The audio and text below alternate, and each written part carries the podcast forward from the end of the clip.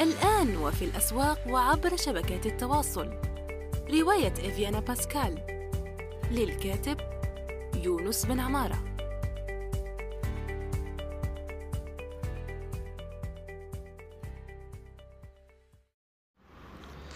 السلام عليكم ورحمة الله وبركاته. في حلقة جديدة من يونستوك سوف نجيب في هذه المرة أو نتحدث ندردش حول موضوع طرح طرحته علي آه، إحدى الصديقات العزيزات وهو يتحدث ما رأيك بالعامية الترجمة الكتابة بها وأفكارك حولها. آه، في البداية سوف نتحدث عن الترجمة. طبعا نظرا لتمحور هذا البودكاست حولها. هو الترجمة بالعامية لها بعض المسوغات. يعني هناك بعض الأشياء هناك آه، بعض الحالات يسوغ فيها الترجمة بالعامية مثلا الإشهارات الإشهارات آه، التي تبث للعموم. مع أن بعض الناس ممكن يقول حتى الإشهارات يعني لماذا لا نستعملها كأداة؟ هي كأداة لتعميم اللغة العربية البيضاء كما يقال أو اللغة العربية المفهومة في جميع الدول العربية. لكن الإشهارات هي هدفها الأساسي هو تحقيق الدخل وليس نشر الثقافة. صح صح يقول بعض الآخرون لا يعني لديك آه آه، وارهول مثلا الفنان الأمريكي المشهور يمكن أن يعمل إعلان في نفس الوقت يبث الثقافة. أصلا الناس المحررة لمثل هذه الإعلانات نادرة جدا. يعني إذا توفر توفر نشر ثقافة زائد في نفس الوقت إعلان ممتاز جدا ويوافق الأمور التسويقية ويحقق نجاح ويكون فيروسي كما يقال أو فيرال إذا ما المانع. لكن بشكل عام الإعلانات عندما تكون موجهة للعموم تكون بلغة مفهومة لذلك آه، لذلك الجمهور المستهدف هنا نعاني نحن في كالعالم العربي من نقص الدراسات التي تبين لنا ما الذي يفهمه الجمهور أو ما الذي لا يفهمه. يعني ليس لدينا آه، دراسات موثوقة لنعرف الجمهور هذا كيف يفكر. الجمهور ككل عموما في العالم العربي نقص الدراسات فيه رهيب جدا ونعاني من فقر دراسة في عدة جوانب من الحياة. هذا آه، كشيء أول. آه، في الأيام الفارطة لم أسجل أي حلقة نظرا لأني كنت في زيارة عمل إلى آه، أبو ظبي ثم وقبلها إلى الرياض لحضور مبادرة مستقبل الاستثمار وقد كانت جيدة الحمد لله رب العالمين. بعدها ذهبت إلى أبو ظبي في زيارة عمل أيضا إلى هيكل ميديا في two four 54 two four 54 منطقة منطقة إعلامية حرة في الإمارات العزيزة.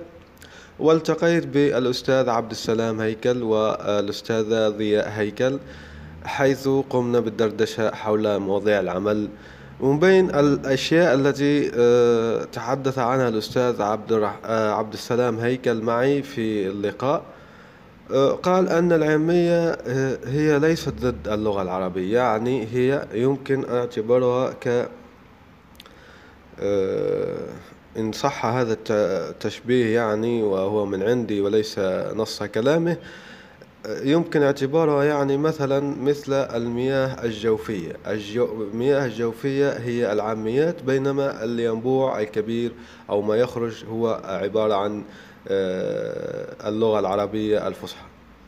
إذا ليس هناك تناقض يعني آه، هناك إثراء هناك تعايش هناك آه، تضافر لتحقيق الوظيفة. يعني الأستاذ عبد السلام هيكل أكد مرارا على أننا نسينا وظيفة اللغة وأننا نحملها بالنوستالجيا للقديم والأيديولوجيات المختلفة. يعني نحن نحمل اللغة أحمالا ثقيلة جدا خارج أو بعيدا عن وظيفتها.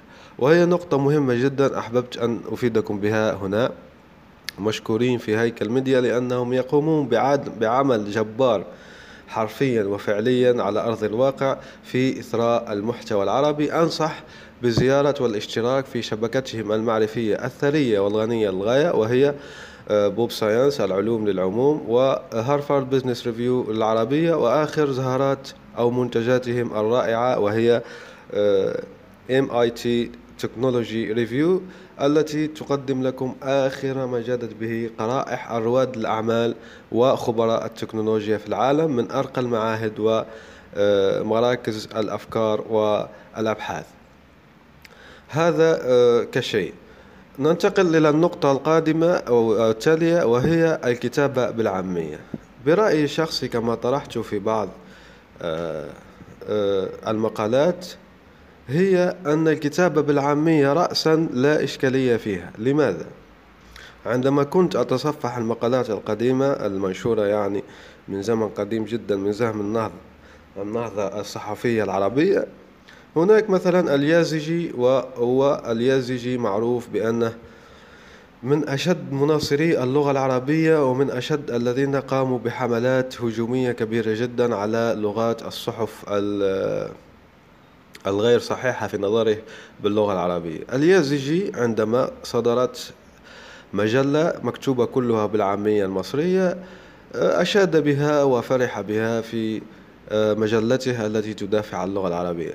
كما رأيتم ليس هناك أي تناقض في نظر اليازجي أن تكتب بالعامية رأسا يعني مثل بيرم التونسي ومثل المجلات الفكاهية المصرية التي نشأت كلها بالعامية المصرية في فترة آه، النهضة الصحفية التي مر بها العالم العربي. إذا عندما تكتب رأسا بالعامية دون أن تكون لديك أيديولوجية مسبقة للقضاء على أي شيء يعني أنت عندما تكتب بالعامية لست يعني في مهمة للقضاء على الفصحى أو تطوير العالم العربي أو كذا بل في مهمة إثراء إثراء المحتوى العامي والتراث والفلكلور العربي. إذا كانت هذه مهمتك فلا إشكالية في ذلك وأن تكتب رأسا يعني مباشرة وأن تستفيد. بالعكس أنا ذكرت في آه، أيضا في بعض المقالات أن هذه الطريقة هي مهمة جدا لأنها تعزز اللغة العربية الفصحى وليست تضعف منها. كيف؟ لأن الذي يكتب بالعامية سوف يضطر لأن العامية ضعيفة لغويا في بعض الجوانب سوف يضطر أن يدخل كلمات عربية فصحى وبالتالي تصل إلى الجمهور الذي لا يعرف كثيرا عن هذه الكلمات وبالتالي إثراء المخيلة الشعبية. سنتابع في وقت لاحق.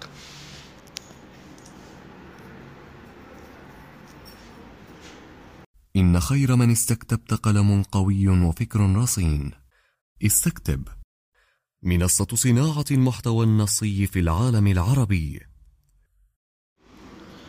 عدنا بعد هذا الإشهار التابع لشركة استكتب أنصح به بالنسبة للمستقلين من كتاب ومترجمين ومعلقين صوتيين. عفوا. في لكي ينضموا إلى استكتب وأيضا أصحاب الأعمال الذين لديهم خدمات أو آه، شركات الأبحاث أو مراكز الأبحاث أو شركات صناعة المحتوى التي تبحث عن مترجمين وصانعي محتوى مميزين. آه، نواصل في موضوعنا حول العامية. كما قلنا كما يقول أيضا آه، جلال أمين في كتابه خرافة التقدم وخرافة التحضر أو التخلف. يعني يجب أن نخرج من الثنائيات ثنائية القديم والجديد آه، ثنائية آه، التقدم والتخلف ثنائية الغرب والشرق ثنائية العامية والعربية الفصحى كما قلنا. إذا يجب أن نخرج من هذه الثنائيات وننظر للصورة الأشمل والصورة الأوسع والنطاق الأوسع ونستفيد مما لدينا في آه، بين أيدينا. يعني لأن حتى التراث حفظ لنا العاميات القديمة جدا ولم يجد في ذلك أي إشكالية ولم آه، يتباكى على الأطلال ولم يبكي ولم يندب ولم آه، ينشج أو يشهج بالبكاء.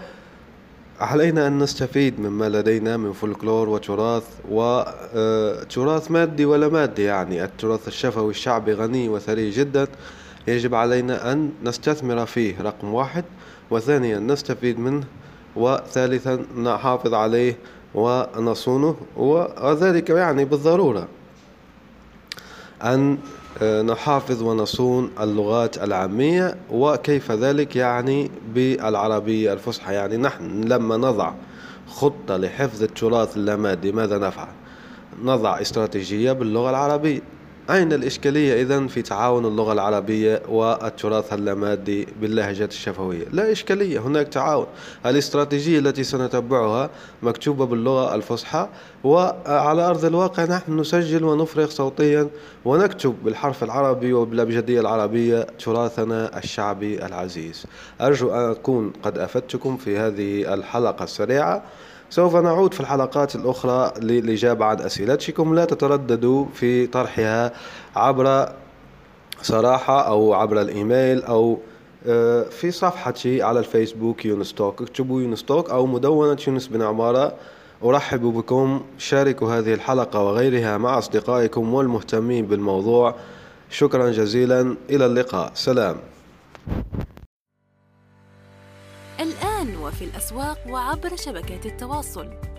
رواية إفيانا باسكال. للكاتب يونس بن عمارة.